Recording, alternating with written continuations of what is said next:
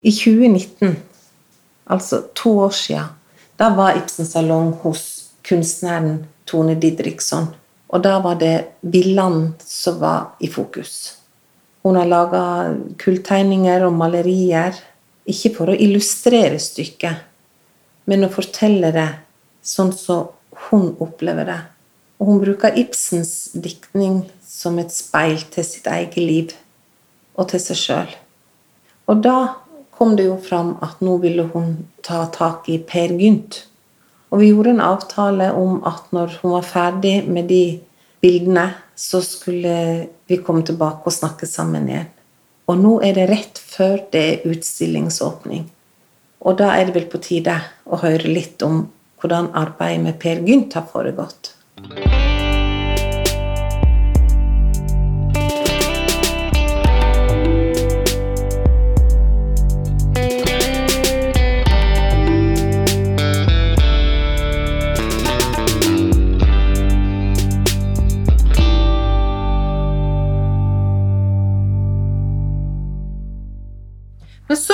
Å være tilbake i atelieret ditt, Tone. Ja, Det er veldig hyggelig at du er her òg, da.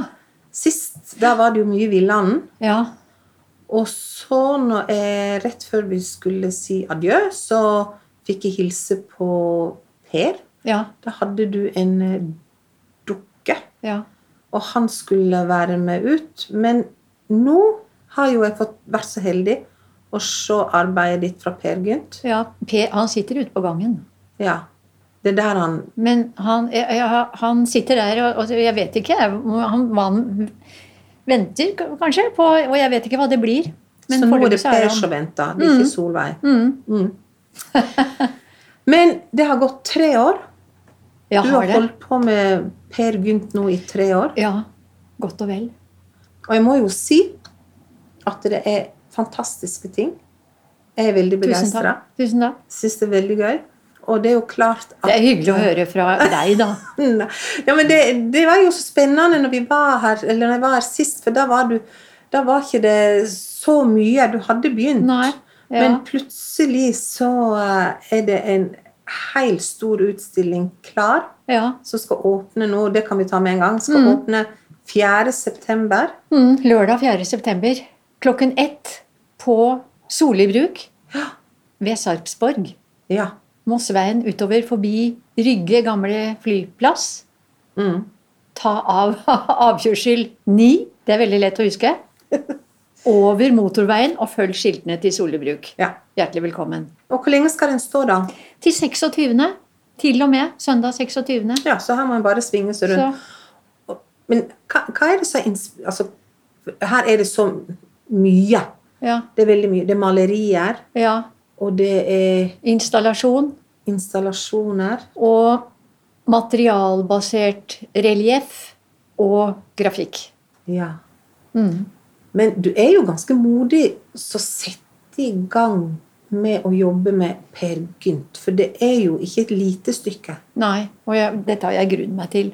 Det var jo først Villanden, og der er jeg jo enda, for så vidt, med foredrag og forestillinger. Og det begynte jo i, i 2000. Så jeg, nå har jeg holdt på i 21 år, og tre av de årene, godt og vel tre år, har jeg brukt da på Per Gynt. Og det er så stort. For det første så er det eh, det er et dikt i fem handlinger, og det er så eventyrlig. Det er så mangfoldig, og det er så stort, så jeg har tenkt når eh, Astrid Sæther første gang hun som da var, eh, var leder for Senter for Ibsen-studier, sa til meg for ganske mange år siden Tone, du må ta Per Gynt. tenkte jeg nei, det orker jeg ikke. Men så er det jo sånn i, i sånne prosesser at det er noe som tvinger seg frem, da. Det er noe som står og banker på døra hele tiden. Så, jeg, så tok jeg jo en sving innom Leonard Cohen og jobbet med hans eh, poesi i seks år. Og tenkte at nå, nå, skal jeg, nå skal jeg ikke jobbe litterært. Nå skal jeg kanskje jobbe med andre ting. Men da kom Per Gynt for fullt. Og da tenkte jeg at da må jeg bare sette i gang. Og det har jeg gjort. Men jeg er jo ikke ferdig med Per Gynt. Jeg blir vel aldri ferdig med Per Gynt. Nei. Men du er klar for en utstilling? Ja, det er det. Ja, ikke sant? Jo. Men det er jo ikke sånn at du har laga en utstilling der du begynner med bukkerittet, og så går vi gjennom og kan følge handlingen. Det er jo ikke en, en tegneserie du har laga her, ikke Nei. sant, av Per Gynt. Nei. Det er ikke illustrasjon til Per Gynt. Nei. Nei, det er fint at du sier det. Fordi at jeg, eh, jeg har tenkt ja, altså, Hvordan skal jeg løse dette? Fordi jeg vil ikke illustrere Per Gynt som, som det eventyret det var, men jeg må Jeg er så jævlig sein, vet du. Jeg bruker jo så lang tid. Jeg bruker 20 år på Villanden. Tenk deg det. 20 år. Og så, så jeg dykker jo ned da. Først så skraper man i overflaten, og så ser du er det noe gull her. Er det noe? og det er det jo alltid i Henrik Ibsens litteratur. Det glitrer jo. Du skal jo ikke langt under før du ser at det begynner å glitre.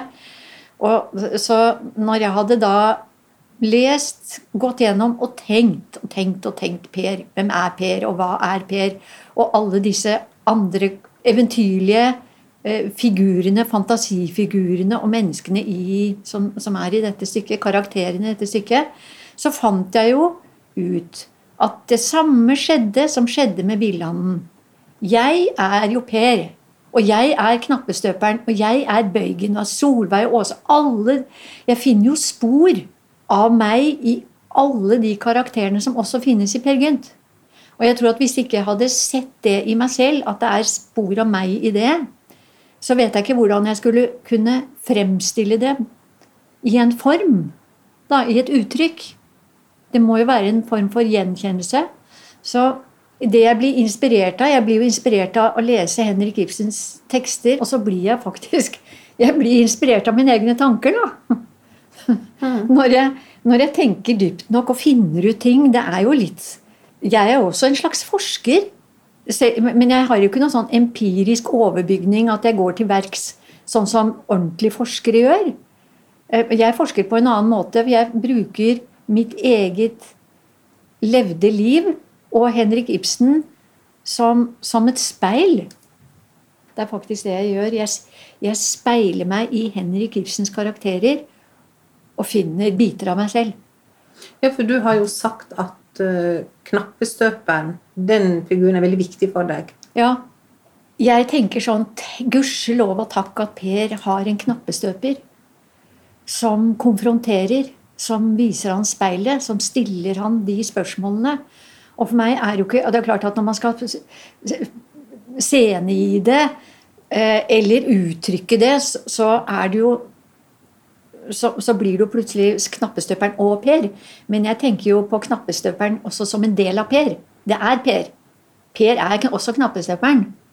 Han har den siden som eh, Selv om han har bøygen òg, som bøygen som sier 'gå utenfor', og det, hvem går ikke utenfor? Jeg kjenner ikke et eneste menneske som aldri har gått utenfor. Vi lurker oss unna det som vi syns er ubehagelig, eller det vi ikke orker, eller det vi ikke gidder, eller det vi er redde for. Men så kommer det en stemme som, som eh, vil ha en slags attest, da, eller som stiller oss At du stiller deg selv noen spørsmål med er, hvordan, hva tenker du egentlig om dette, da? Tone? Hva syns du egentlig selv? Holder dette? Er dette å stå ansvarlig, f.eks., i ditt eget liv? Tar, du, tar du ansvar for livet ditt nå? Jeg er veldig opptatt av det. Å ta ansvar fordi det er den eneste muligheten jeg har til å få frihet. Fordi begrepene går hånd i hånd. Men man våger da å ta et ansvar. Våge å møte knappestøperen. Og, og det for meg er en del av en del av redningen til Per, at han har det, for da finner han fram til Solveig i seg selv. Solveig-delen. Så du ser på eh, Per Gynt som en reise i et menneskets indre? Ja, akkurat. Der sa du det. Det er en menneskes reise fra fødsel til dødsel. Eller mot dødsel. For, for det er jo ikke sikkert at han Altså hva som skjer etterpå. Derfor har jeg også et bilde som heter 'Begrav meg med gaffelen i hånd'. Altså mot en utgang, da. Kan du si litt om det bildet? Ja, det kan jeg. Jeg har laget en, en serie med bøker, med slags bøker. Altså jeg har, Istedenfor å male på lerret, så har jeg støpt boksider av gipsbandasje og papir og lim. Altså brukt masse stoff og bandasje. Også bandasje symbolsk fordi det handler om å lege, reparere kanskje noe som er ødelagt. Eh, og, og, sånn at når de henger på veggen, så er det sånn to svære boksider som, som kommer mot konvekse former. Som, som kommer mot deg. Mm. Og på den ene boken, der har jeg plassert altså som, er, som er kledd i silkepapir som er brettet og brettet og brettet og satt inn med så, så mye lim at det er blitt helt stivt. Det ser ut som en duk. Og så oppi det ene hjørnet har jeg da malt småkaker. Og så er det en, en eh, sølvplettgaffel som er festet inn over småkakene. Henger det silke. Sånn at det ikke blir så tydelig. Fordi at Per Gynt er jo fullt av humor. Heldigvis. Det er jo et veldig, det er jo et veldig morsomt stykke òg. Ibsen hadde humor også. Ja, og det er, en, høy, det er en av de høyeste formene for, for intelligens. Det er humor, mm. tenker jeg. Altså, det er så forløsende. Han, han, var, han var, hadde masse humor. Og så eh, tenker jeg jo på den veldig nydelige scenen da, da Per eh, tar Grane, som da er katta, og, og kjører mor til Sankt Peder når mor ligger på dødsleiet og er redd. Og, og jeg, jeg, opplever det sånn at han ja, men Det er jo nydelig. Han hjelper jo henne. De er jo oppvokst på eskapisme. ikke sant? Hun, hun har jo fortalt han eventyr hele tiden, og det viderefører jo han. Eh, og, og, så spør mor Åse på ferden da, når Per sier at han skal kjøre henne til Perleporten. Han kjører henne til St. Peter, og, og der er hun invitert til selskap. Og hvis han får lov til å komme inn, så skal han også være med. Og, og så spør jo mor også om, om, de, om, det er småkaker der. Og Er ikke det nydelig? Og jo, vi nå, sier Per. Og da blir det plutselig ikke så farlig. Så da måtte jeg jo lage et bilde på det. På disse småkakene. Og så har jeg da kalt det for 'begrav meg med gaffelen i hånd'. Men det er jo ikke et Ibsen-sitat. Nei, det er det ikke. Og det, og det, ja, det er ikke mitt heller, altså. Men nå skal vi se, fordi at jeg har Eh, det er fra en bok jeg fikk av en venninne. Det er 'Aldri kjørt'. Den er svensk. Her står det da, hvis jeg kan få lese dette som står her 'Behold gaffelen', står det. Når läkaren gav henne besked om at hun hadde høgst tre måneder kvar å leve, bestemte hun seg for å genast ordne med alle detaljer kring sin begravning.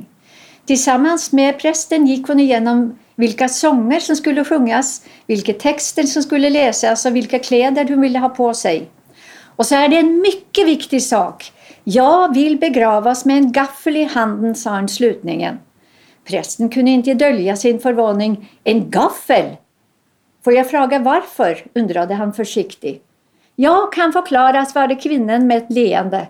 Jeg har vært på mange ulike middagsbjudningar i mitt liv og jeg har alltid tykt best om de ganger da den som duket av sagt du kan behålla gaffelen'. Da visste jeg at noe enda bedre var på vei.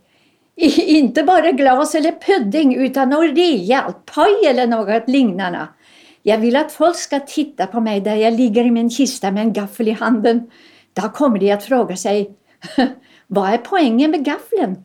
Da kan du forklare for dem hva jeg har sagt og så hilser du dem at de også skal beholde gaffelen. Noe bedre er på vei. Er ikke det nydelig? Her.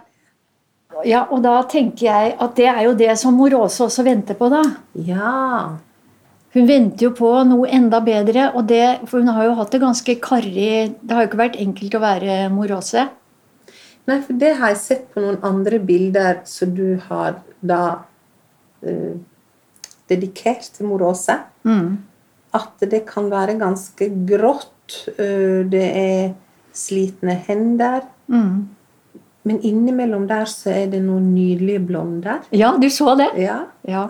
Jeg tenker jo det at eh, altså For det første så var det jo noen velmaktsdager der også da bestefar eh, Gynt, eh, faren til Jon, altså faren til Per, bestefaren til Per, levde. Da, da var det ganske staselig på den gården der. Og jeg tenker det har jo vært blonder i Åses liv også. Og det, har vært lys. Det har jo ikke vært dørgende mørke. Det har vært ganske mye lys og egentlig i den eventyrverdenen som hun lagde også sammen med Per. Der var det jo, Hun måtte jo lage det lyset og bruke de kniplingene hun, hun hadde. Og det er det hun hviler hendene sine på også. Og, og i det bildet så, så viser de jo også det grå og det svarte øyne som, som, ser, og Åse Det er jo noe morsomt med Åse også, hun heter jo Åse. Det kan jo være også å se. Ja. Selv om mange vil si at ja, det gjorde hun i hvert fall ikke. Men jeg tror at det var jo en del Åse så, selv om hun sier det gjør vondt å se skjebnen under øynene. som hun sier, Det er jo vondt, men virkeligheten kan jo være fæl. Og derfor trengte hun, og bevisst, å flykte fra den delen av virkeligheten hun ikke orka. Og det ble med fantasien. Og det ble med eventyr. Og der tok hun med seg Per. Og i det bildet som som heter Åse. Der er eh, hesten Grane, som jo også er en sånn eventyrskikkelse, som, som er gjemt bak noe hamp. For det er jo et veldig materialarbeid. Det vokser jo ut av, av rammen. Hendene til mor Åse er støpt. Og da har jeg tatt avstøpning av eh, hendene til en som het Berit, som er en gammel kvinne som er naboen min på Hosle. Og hun eh, hun er eh, For meg så er hun en, en sånn eh, type nydelig mor Åse som har jobbet og jobbet og jobbet, og, og jeg ser i grunnen jeg ser henne med, med huet ned og rumpa opp, for hun sto og grov i jorda og gjorde det vakkert rundt oss hele tiden. Så jeg har brukt hennes hender som modell for Åse. Og, og, i dette bildet så det, det er flerret opp, det er revet i stykker, hele lerretet. Og så er det prøvd å reparere det igjen med hamp. Og jeg tror det er sånn mor Åse gjorde. Hun, hun reparerte. Hun, hun, gjorde det hun kunne eh, i sitt liv, og var selvfølgelig frustrert og også rasende på Per, som ikke tok seg av henne på noen måte. og, og eh, og bare løy. Og jeg tror ikke hun heller forsto konsekvensen av det hun faktisk gjorde. At hun fortalte han så mye eventyr at han aldri fikk virkeligheten. Han fikk jo ikke noe ansvar, han heller. Altså fra, fra tidlig av. Det, det, det, minner meg ganske mye om Hjalmar Ekdal i Villanden. Altså mm. to mannsskikkelser som, som, som, eh, som, alltid har blitt holdt for et lys. Det, det sier jo doktor Elling om eh, Hjalmar, at det er jo det som er problemet for Hjalmar. Han er opptatt av to gamle tantefrøkner som alltid har holdt han for et lys. Ja, det er han liksom ikke, sier Gregers. Nei, nei, han er jo ikke det. Og det samme skjer jo med Per, som da har fått høre av presten og av far sin at han, han, var, jo, eh, han var jo laget for å bli virkelig en, litt av en knapp eh, på denne verdensscenen. Men hempen glapp. Altså at, at, det lå jo til rette for at han skulle bli noe stort. Og det dikter han jo videre på, så det, de karakterene er, er, ganske like. Ja, og jeg tenker at det, sånn som jeg ser det også Ja, du, du, har jo rett i det du sier, og, og hun på den ene sekundet så forbanner hun han, og, og neste jo. så forguder hun han, og ja. hun skal banke han opp, for nå er hun så sint på han, og når de andre i bygda kommer og truer med å banke han, så er hun jo mor for Per Gynt og forsvarer ja. han, ikke sant? Er ikke det litt typisk også? Jo. Jo, det er jo det. Jeg har møtt mange som kan kjefte på barna sine hvis noen prøver å si noe stygt av dem. Så kommer Forsvaret opp. Men det er vel fram til at eh, jeg syns hun har gitt han en stor gave, den der fortellerkunsten. fordi at det, det er to steder, spesielt i Per Gynt, jeg syns han virkelig glitra i sin fortellerkunst. Og det er jo begynnelsen med Bukkerittet. Ja. Da er det jo Per Gynt som forteller en fantastisk historie, ikke sant? Mm. Ehm, det, det, er jo Ibsen som har skrevet det, men mm. det er jo Per Gynt sin historie. Mm. Også den du sier om da når han eh, rir med Grane, moråse inn i døden, ikke ja. sant, og, og, gjør Noen tolker det så at han fraskriver seg alt ansvar og ikke klarer å, å, å takle den situasjonen og drive på med dikt og fanteri. ikke sant, mens så jeg ser jo at det, han gjør jo mor også veldig rolig, ikke sant? Med, med småkaker, og her skal det bli vin, og han skal være med. Og, og det er jo en veldig vakker ja. Jeg syns det er veldig vakkert, da, og det er jo han ja. da som driver en fortelling. Ja, absolutt. Så jeg tror kanskje han kunne blitt en stor uh, forfatter. hadde, det kan godt. Hadde han gått den veien. Ja, han har jo veldig fortellerkunst. Men en annen ting også med bukkerittet som jeg syns er veldig spennende, det er ikke sant Eh, Nedad uten stans for toget, men i bunnen glitret noe hvitlett som en reinsdyrbuk. Mor, det var vårt eget billed, som gjennom eh, Hva heter det som igjennom Ja, altså det kommer til overflaten. Altså det tenker jeg Bukk fra bunnen, bukk fra oven, ja, bukk fra oven, bukk fra bunnen. Eh, stangedes i samme stunden, Ja. så at vannet om har skummet. Altså, der møter kanskje Per seg sjøl. Det tenker jeg. At bukken og Per Gynt er den samme. Ja, og jeg syns det, det i Bukkerytte at det er akkurat det at bukk fra oven og bukk fra bunnen At de møter hverandre. Der, får, der gjør Henrik Ibsen det liksom klart at der er hele Per Gynt, ligger hele Per Gynt. Og han møter seg sjøl i det plasket. Og han møter seg selv stadig vekk. Eh, gjennom møtet med eh, knappestøperen. Og han er jo klar over bøygen også, han vet jo hva som skjer. Og heldigvis at han møter seg sjøl i døra. Ellers hadde han jo heller ikke kunnet møte Solveig i seg.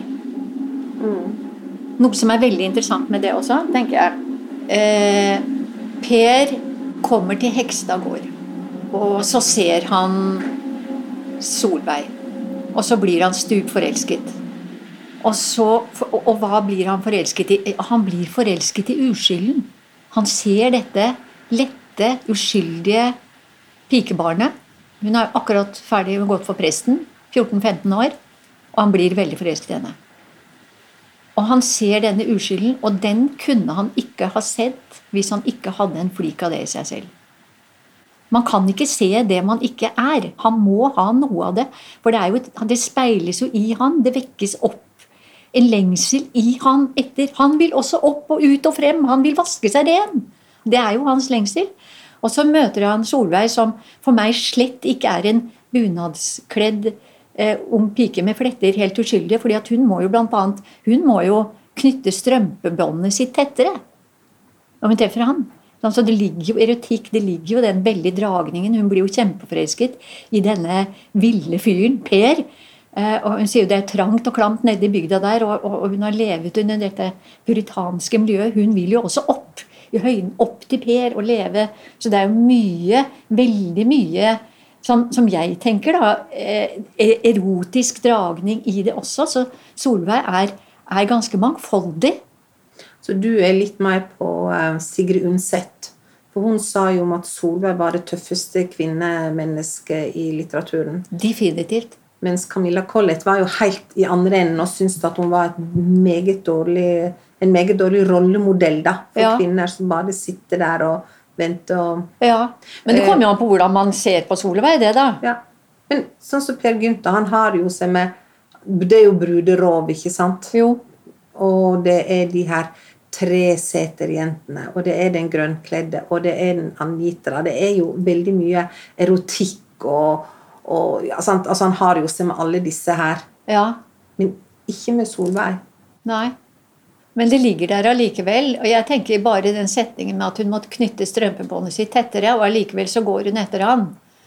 Uh, og, og så ligger det der. Og, og det er også i den Jeg tror nok den Per kanskje er så redd for å ta det ansvaret. Han har også en fortid. og det Altså, han møter seg sjøl i døra igjen og igjen i den grønnkledde også. Som jeg tenker, hva er den grønnkledde? Jeg kunne ikke altså, jeg- Det er jo ingen som, synes, som har spilt en grønnkledde bedre enn Mari Maurstad. Jeg, jeg bare elsket den. og Jeg har sett masse masse forestillinger på Gålå, selvfølgelig. Og, og veldig den humoristiske og veldig den der grove, gærne, grelle. Alt er vrengt, innsiden er vrengt ut. Det, og det er jo fantastisk. Men når jeg skulle lage den grønnkledde som et bilde, så har jeg brukt natur. Og det er mange av mine bilder, også Solveig, hun er ikke bare fremstilt som en kvinne, men hun er også fremstilt som ren natur. Og den grønnkledde er et materialbilde. Eh, og jeg tenker dette med den erotiske kraften, drivkraften, som får konsekvenser. Det, det er nesten et sånn slags myrlandskap, den grønnkledde. Og det er jo ingen av oss mennesker som kommer unna det begjæret. Eh, det som kan få følger, og ganske fatale følger. Det som gir oss en fortid. Og det som gir oss en fortid som vi kanskje ikke tør at andre skal se inn i. For hva skjer hvis noen ser inn i den fortiden vi har?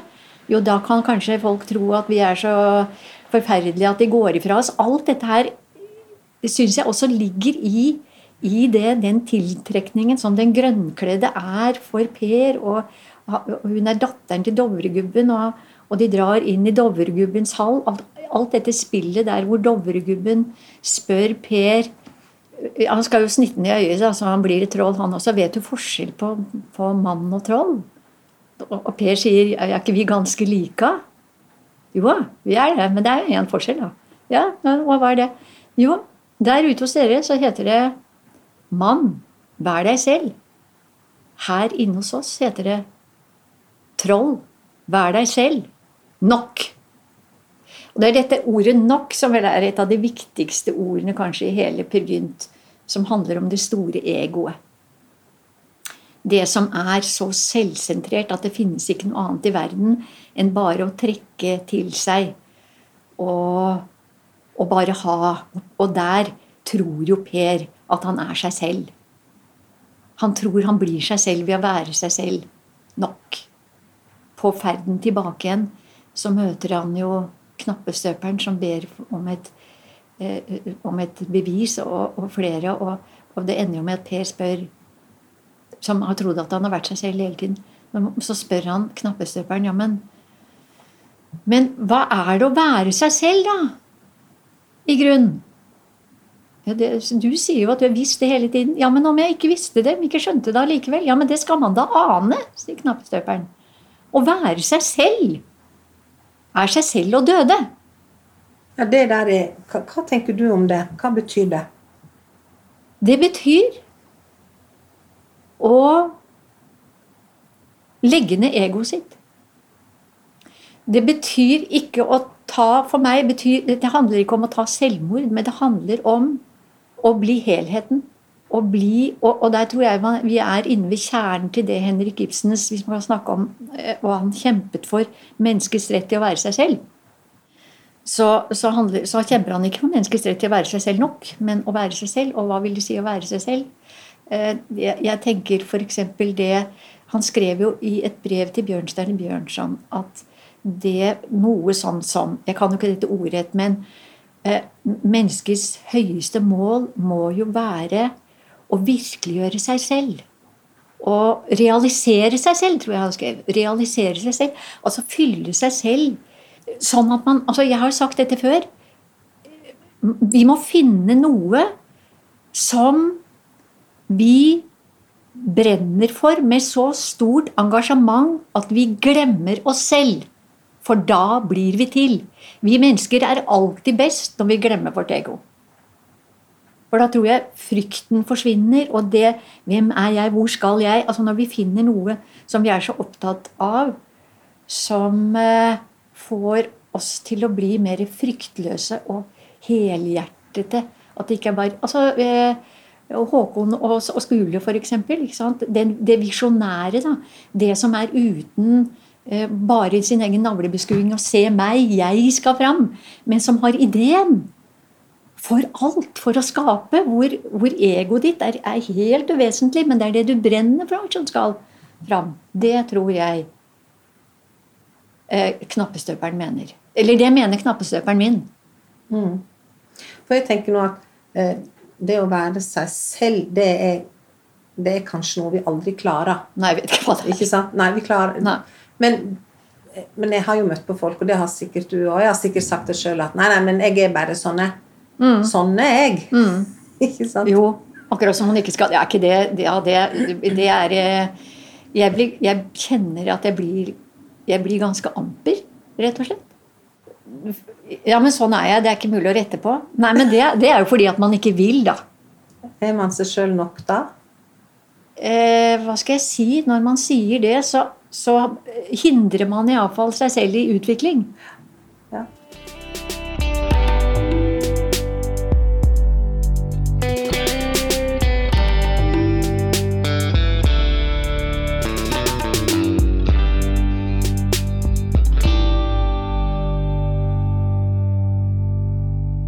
Er ikke det ganske fint at uh, Henrik Ibsen ikke hadde to streker under svaret, sånn at det er åpent hans litteratur leser du ut ifra der hvor du utviklingsmessig befinner deg til enhver tid. Og det vil kunne endre seg. Det vil jo forhåpentligvis endre seg. Ja. Så jeg er spent på hvordan ser utstillingen den, som jeg skal ha om fire år, hvordan ser den ut? Fremdeles Per Gynt. Det er Per Gynt om fire år òg. Ja, i hvert fall tre. Kanskje fire. Mm. Ja, så du er ikke ferdig med Peer Gynt? Nei, jeg Hvor er det jeg står hen nå? Jeg sa til knes, men jeg tror jeg er midt på låret, kanskje. Ja. Eller til knes. Kommer du noen gang helt opp til ører og øyne? Nei, de er jo med, øh, men øh, Absolutt. de, er, de er med, men øh, jeg vet hva, jeg tror du blir aldri ferdig med noe av det Henrik Ibsen har skrevet. Det er jo derfor det, det er jo tidløst. Det, det har overlevd generasjoner. Og det vil det komme til å gjøre. Men det er jo spennende å ta andre stykker òg, da. Ja, for det skulle jeg til å spørre om, for nå har du jo jobba deg gjennom Villand, kan man si. Ja. Og du er på god vei gjennom Per Gynt. Mm. Og hva Ja, flere stykker av Henrik Ibsen? ja. Jeg, jeg vet ikke hvilket ennå. Nei? Eh, Men eh, jeg er vel kanskje litt der at hvorfor bytte? Jeg, altså jeg syns det er så jeg på å si trives. Det høres jo veldig behagelig ut. Men er jo, det er jo ingen behagelig jobb, dette her. Fordi at det er, det er seg selv man møter igjen og igjen og igjen. Så, og det er jo ikke like behagelig å måtte se sine egne drittsider. Men, men jeg, jeg syns det er eh, og, og gode sider. Men det er utviklende, da. Og så lenge jeg syns at det ligger veldig mye utvikling i det jeg holder på med, for, for min del, så vil jeg Jeg er sulten. Så lenge jeg er sulten på Henrik Ibsen, så tenker jeg da fortsetter jeg. Mm. Den dagen jeg føler meg mett, da slutter jeg. Det blir veldig spennende å se hva som kommer framover. Ja. For jeg har jo sett arbeidene dine fra Villand og, og det som du har gjort med Per Gynt. Og det er, jo, det er jo to helt vidt forskjellige verdener. Ja, og det er 20 år imellom. Men så skal jo det sies også. Med Villanden, som jo da begynte eh, med Det begynte at Morten Krogvold og jeg skulle samarbeide. ikke sant? Og det var Mortens idé, dette her. Så eh, Morten har jo satt meg på sporet veldig mye, som har vært betydd veldig mye for meg i mitt liv. Eh, Morten sa da at Kan vi ikke gjøre det sånn nå? At du nærmer deg fotografiet med dine kulltegninger. For jeg hadde vist han en del kullarbeider som jeg hadde jobbet med. Og så nærmer jeg meg maleriet med mine svart-hvitt, og så ser vi hva som skjer der. Da kan vi jo henge bilder opp i taket og på gulvet og veggene, og sånn, sånn at de speiler hverandre. Det var utgangspunktet. Og det er derfor jeg har gjort Villanden så billedlig, så nesten fotografisk i, i karakterskikkelsene, da. Fordi at de, det var litt av ideen at det skulle være. Jeg har aldri jobbet sånn før. Aldri laget sånn nøyaktig beskrivelse av et portrett hvor jeg må, måtte gå ut og finne hvem er grosserer værlig for meg, og så måtte jeg finne en karakter som jeg da kunne fotografere fra alle bauger og kanter, og så bruke det som sånn, til å se etter, sånn, sånn fotografiske forelegg. Mens her i Per Gynt har jeg vært eh, veldig mye råere og veldig mye friere. Jeg er ganske overrasket selv. Ja, for når du starter på et bilde, da, Mm. vet du hva Har du en tanke over hva dette skal bli? Har du et sånn bilde i hodet at jeg skal ende opp der? Eller bare begynner du? Ja, men det kan jeg godt ha. Men altså, jeg har altså, jeg, jeg pleier å si sånn ja, men les, Jeg har lest jeg, og jeg har lest og lest og lest. Og jeg lese og lese og lese, og så har jeg en idé, og så må jeg slutte å tenke, og så må jeg begynne å male. Fordi jeg har tenkt veldig mye mens jeg har malt, og da blir det fort Da kan det fort bli fortenkt, da, det du gjør. Det blir for planlagt, det blir lite spontanitet over det. Så nå har jeg Jeg har jo ideer om hvordan Om hva jeg skal inn i, men jeg har jo, nå har jeg på mange måter eh, Stemningen av hele Per Gynt lever i meg nå fordi at jeg har jobbet med det såpass lenge, og jeg har vært aleine hele tiden med det. Natt og dag. ikke sant? Jeg drømmer om det om natta. Det er jo med meg hele tiden. Så det jeg uttrykker, det blir summen av flere ting. det, det blir som fragmenter og stemninger. Og altså Dovregubbe kan være en skikkelse, og Dovregubbe kan være en moskusokse. Eh, Solveig, som jeg sa, kan være en, eh, en kvinneskikkelse. Og Solveig kan være soloppgang altså, Jeg har rappa litt for, fra Edvard Munch, bl.a. Med 'Solen til Munch', hvor jeg har lagt inn et, en kjole. Sol, 'Solen i kjolen', det er Solveig.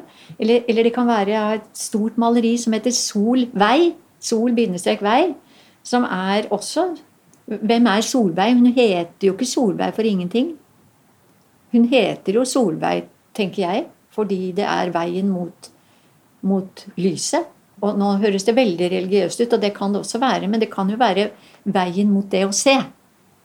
Så at det handler om en åndelig reise, sånn som jeg sier fra fødsel til dødsel, om du er samme hva du er. Eh, samme hva slags, om du har noe tro eller ikke noe tro, så, altså, så, så gjelder det om å, å, å bli bevisst og bli opp, opplyst og bli et seende menneske, da. Og der er Solveig bare natur igjen, med mye ild. Og det er ikke noe enkeltmotiv. Som jeg sier, Solveig som, som stakk ifra Tenk, hun dro fra mor og far og lillesøsteren sin. Hun kuttet bånd til familien sin. Tenk så modig hun var. Og det, det, der kan jo ikke ha vært lett. Hun dro opp til fjellet, og Per ble borte. Så du kan si som, som Finn Skårderud sa i den samtalen jeg hadde med, med, han her for noen uker siden, at Solveig er kanskje også mer en idé. Og, det, det, er jo så fantastisk at Solveig kan være en sånn idé som et prinsipp av den betingelsesløse kjærligheten.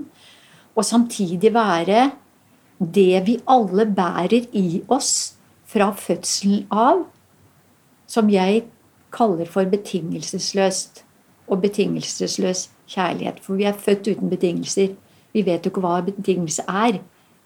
Altså Den delen som jeg finner i Hedvig, da, som jeg sier, Hedvig er den delen av ethvert menneske som stiller spørsmål av nysgjerrighet og ikke mistenksomhet.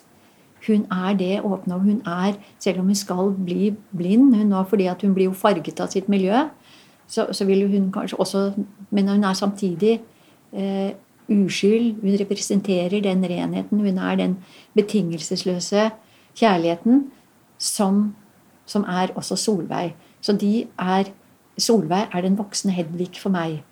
Og begge to blir, mister jo synet, da. Skal miste synet. Men det er kanskje det fysiske, fordi jeg tenker jo at de, de er seende. De er seere. Men de ser Det er innover i det som er, som er betingelsesløst. og jeg vet ikke om jeg egentlig vet hva betingelsesløs er selv heller. Det, det er kanskje det som At for Tora, for datteren min, så, så gjør jeg alt. Altså det som elsker uavhengig, samme hva du gjør, så, så er min kjærlighet til deg ubrytelig. Jeg kan bli sint og, og alt, selvfølgelig, men kjærligheten er ubrytelig. Det er og, det, og, jeg har ikke noe valg engang. Jeg er tatt av det. Jeg er, jeg er av det stoffet. Da. Det, det, må være i Og det tror jeg er i oss mennesker. Men det ligger ofte veldig dypt begravet fordi at vi har så mange sår. Vi har så mye skyld og skam og, og smerte og frykt at den delen som er betingelsesløs Det er derfor vi stiller betingelser hele tiden, for vi er så redd for å miste. Og jeg tror at den Solveig, meiden mot lyset-kraften, er den som vi alle egentlig føler oss mest hjemme i. Da. Fordi det er favntaket. Og derfor, derfor, har jeg altså denne serien her jobbet mye med pieta. ja, for det tenkte jeg skulle komme inn på. Men før det så det, Per Gunther begynner jo med Per og mor Åse. Mm. Og så er han jo land og strand rundt, ikke sant? Verden rundt. Eh, og så avsluttes stykket med Per Gynt og Solveig. Og dette her er jo de to kvinneskikkelsene som han har vært nærmest, for å si det sånn, da. Og, og så syns jeg dette her er nødt fordi at han sier jo når han møter Solveien Min mor, min hustru, min kjærlighet. Og når jeg var på Gålå i sommer og så Per Gynt, eh, som jeg syntes var helt nydelig, da følte jeg at eh, det ble understreka veldig ved at skuespilleren som spilte mor Åse, spilte også Solveig som gammel. Det Kanskje ikke alle tenkte på det, men jeg tenkte i hvert fall veldig på det når jeg Ja, satt der da. ja, Det der syns jeg er en nøtt. ja. det er alltid nøtter med Henrik Ibsen. Ja, Ja. Og da komme over til din pieta, ikke sant? Mm. Og kanskje du skal forklare hva en pieta er, før vi går videre, for det er sikkert ikke alle som vet hva det er. Ja, jeg, altså jeg, jeg, jeg sleit veldig mye om jeg kunne stå for det, om jeg kan bruke det. Eh, Michelangelos eh, marmorskulptur i Peterskirken, hvor Maria holder en eh, døde Jesus Kristus i armene. Mor og sønn. Mm. Ikke sant? Mor og sønn. Mor og sønn. Mm. Men i din pieta Mm. Det er den betingelsesløse kjærlighet. For da er det Per Gynt som hviler i fanget til Solveig, Ja, hans hustru. ja. Eller kjæreste. Kjærlighet. Ja. Men en annen ting jeg tenker, det er jo det at dette kan jo like gjerne handle om å finne hjem til seg selv. For hvis Solveig og Åse og Bøygen og alt er deler av Per, som er deler av oss, kan dette handle om vår evne til å tilgi oss selv? Kan det være at vi er lite flinke til å ta oss selv imot? Hvis vi finner den kraften i oss selv, da, som er Solveig, eller det, altså det moderlige prinsippet, den betingelsesløse kjærligheten, som vi er født med, men som går til grunne i villanden. Det er derfor jeg driver sånn livredningsforsøk, både på villanden og, og i grunn det, det jeg holder på med. Og dette handler jo helt sikkert om at eh, at jeg selv har gjort så mye eh, dumt i livet mitt. Og hatt angst i så mange år at jeg, at jeg måtte velge rett og slett eh, om jeg ville leve eller dø. Så tror jeg dette, denne eh, søken etter noe i meg selv som jeg kunne hvile meg mot Jeg tror det er kanskje det er noe der jeg har funnet i Henrik Ibsens litteratur. Og det er der denne pieta også er blitt en sånn eh, i hvert fall, altså jeg, jeg vet jo ikke, jeg stiller jo også spørsmål ved det jeg gjør, men, men jeg har nok kalt disse pietane forskjellige ting. Det er en som heter bare pieta, og det er en som heter I min tro, i mitt håp og i min kjærlighet. Og så er det en som heter Og hvor var jeg da eh, som meg selv? Eh, Med Guds stempel på min panne. Det er jo det Per spør Solveig om. Og hun sier 'det var du i min tro, i mitt håp og i min kjærlighet'. Og det, hvis ikke det er det betingelsesløse, hva er det da? Det er jo fra Bibelen. Ja, det er fra Bibelen. Og det er en interessant bok. Og, og man, tenk, altså man kan lese i Bibelen uten at man tilhører noen statskirke eller noe tro, men kan, altså når, du, når du går inn og leser eh, tekster derfra også, og, eh, og kan bruke det til å tolke, til å se med, da, så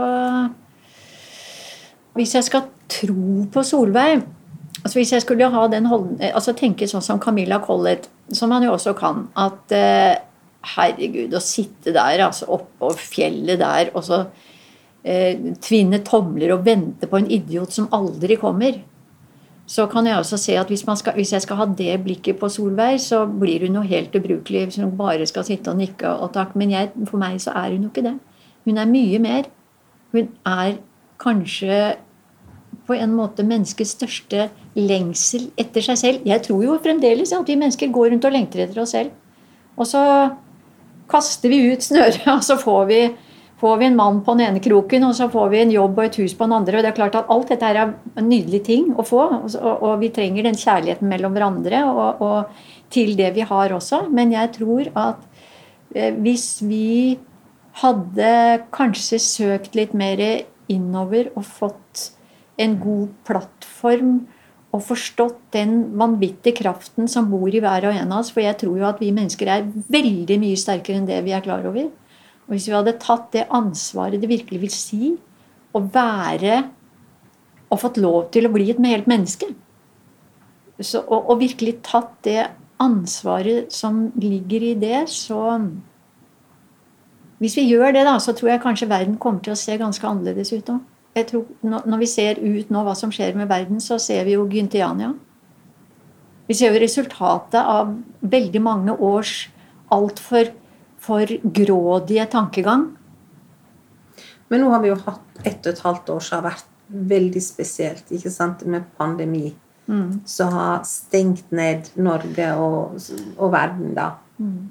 Og når jeg da har snakka med folk, så er det veldig mange som har brukt denne tiden her, frivillig eller ufrivillig, på å, å, å tenke litt akkurat på dette her. Hvordan vil vi leve livet vårt? Og Ja, vil vi tilbake i det kjøret og ja, ja, som vi har vært i? ja. Eller kanskje vi ser at eh, ja, at vi kan leve livet vårt annerledes. Ja, det tror jeg òg. Og det tror jeg er forskjellig. Jeg som er så mye alene, jeg er jo egentlig et sånn uh, fulltids koronamenneske. Jeg har jo levd i koronatid i 30 år, jeg. Så jeg, jeg, er, jeg er veldig mye på jobben. Jeg jobber veldig mye. Og, og, men jeg, jeg også syns at denne tiden har vært veldig tøff. Både fordi at jeg blir skikkelig dårlig av korona selv, men også fordi jeg har kjent på at selv hvor mye alene jeg er, så er det veldig godt med den sosiale kontakten. Jeg savnet klemmer, for jeg er veldig sånn vi er en ta-på-mennesker. Holde rundt. Eh, Og jeg håper jo virkelig at eh, det kan føre til noen endringer. Men jeg, eh, og, og, og altså når du hører politikerne snakker nå, så er jo dette her med natur og dette med miljø er jo mer og mer framme. Og vi er jo nødt til å gjøre noe. Men jeg har nok tenkt en del tanker at eh, med mindre verden fortsetter å vise sitt speil ved ikke sant? Og det, det, gjør, det gjør jo naturen. Eh, Så det er akkurat som om vi, vi stopper ikke før vi får en kollektiv bunn.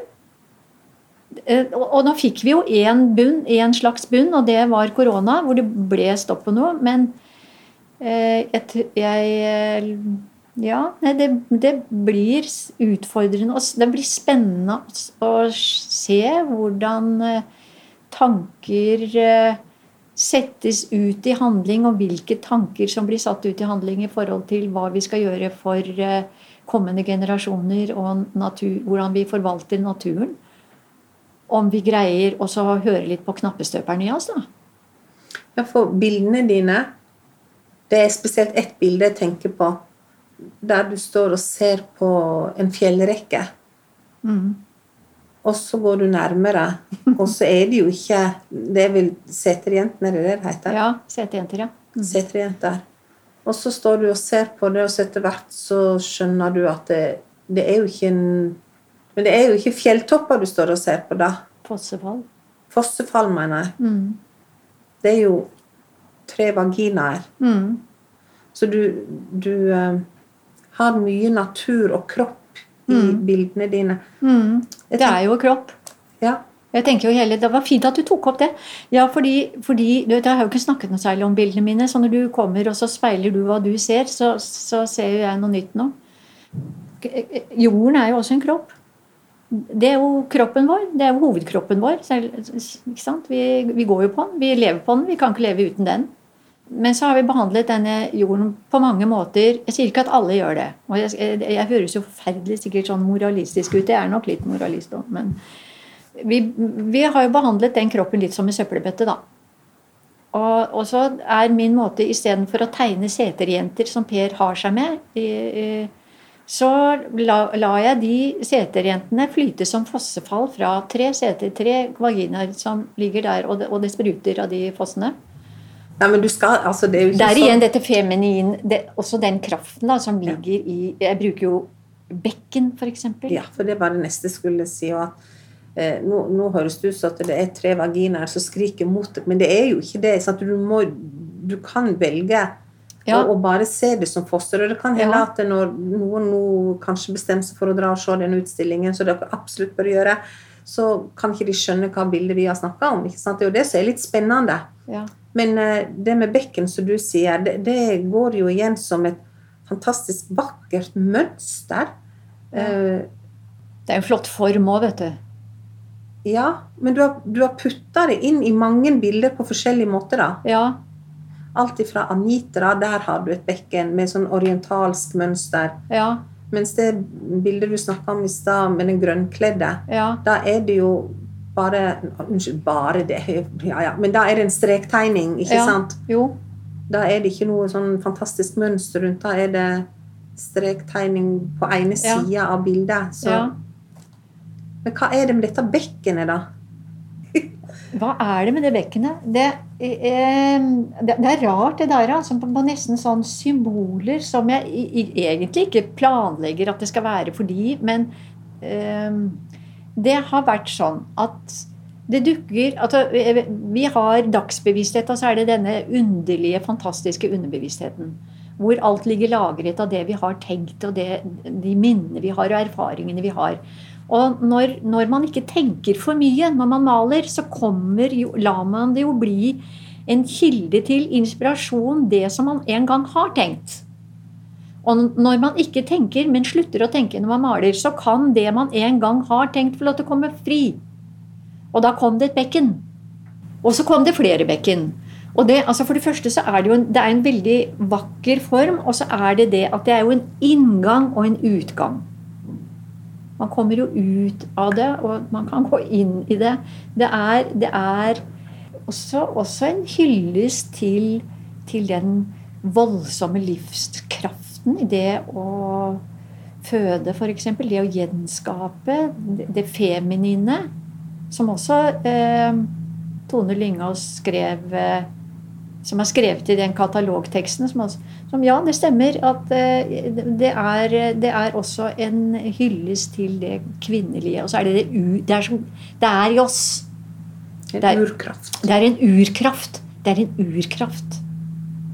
Ja. Og jeg kommer til På Soli bruk og kommer jeg til å være der da. Nå heter det selvfølgelig at bildene skal snakke for seg, og det eh, gjør det jo absolutt. Men i og med at jeg jobber såpass litterært som nå med Per Gynt, så tror jeg at jeg, folk vil fortsette å like å høre at jeg snakker om arbeidene. Det skjønner jeg veldig Ja. godt. Og så åpner jeg på Hamar. 23. oktober på Hamar Sagbladfabrikk. Ja. Så da skal jeg snakke for Hamar-folk og de rundt omkring. ja, men lykke til med åpning. Du er snart i mål. Jeg vet du har jobba knallhardt i sommer. Ja. Men din tid vil komme, Tone. du vil nok få ferie en dag, du også. Ja. Du har i hvert fall fortjent det, for det, det har vært stort å få se disse bildene. Og- Tusen, tusen takk, Bergljot. Tusen takk for at du har fulgt meg opp sånn. da. Det, jeg syns jo det er en ære å få besøk av, av deg. Jo, det, jo, det mener jeg. Jeg syns det er helt fantastisk å få besøk av deg med den kunnskapen. det liker jeg godt. Det er veldig gøy å snakke med deg. Vi kunne ha sittet her i mange timer, og det, det har vi gjort. Og det kommer Ja. vi til å gjøre. Ja. Men eh, vi avslutter nå. Mhm. Urkraft, Mm. det var det siste. Det er Ja. veldig bra. ja. Det er en god slutt. Mm. Tusen, tusen takk for at du kom. Takk for at jeg fikk komme her og snakke med deg. Og lykke til. Tusen takk.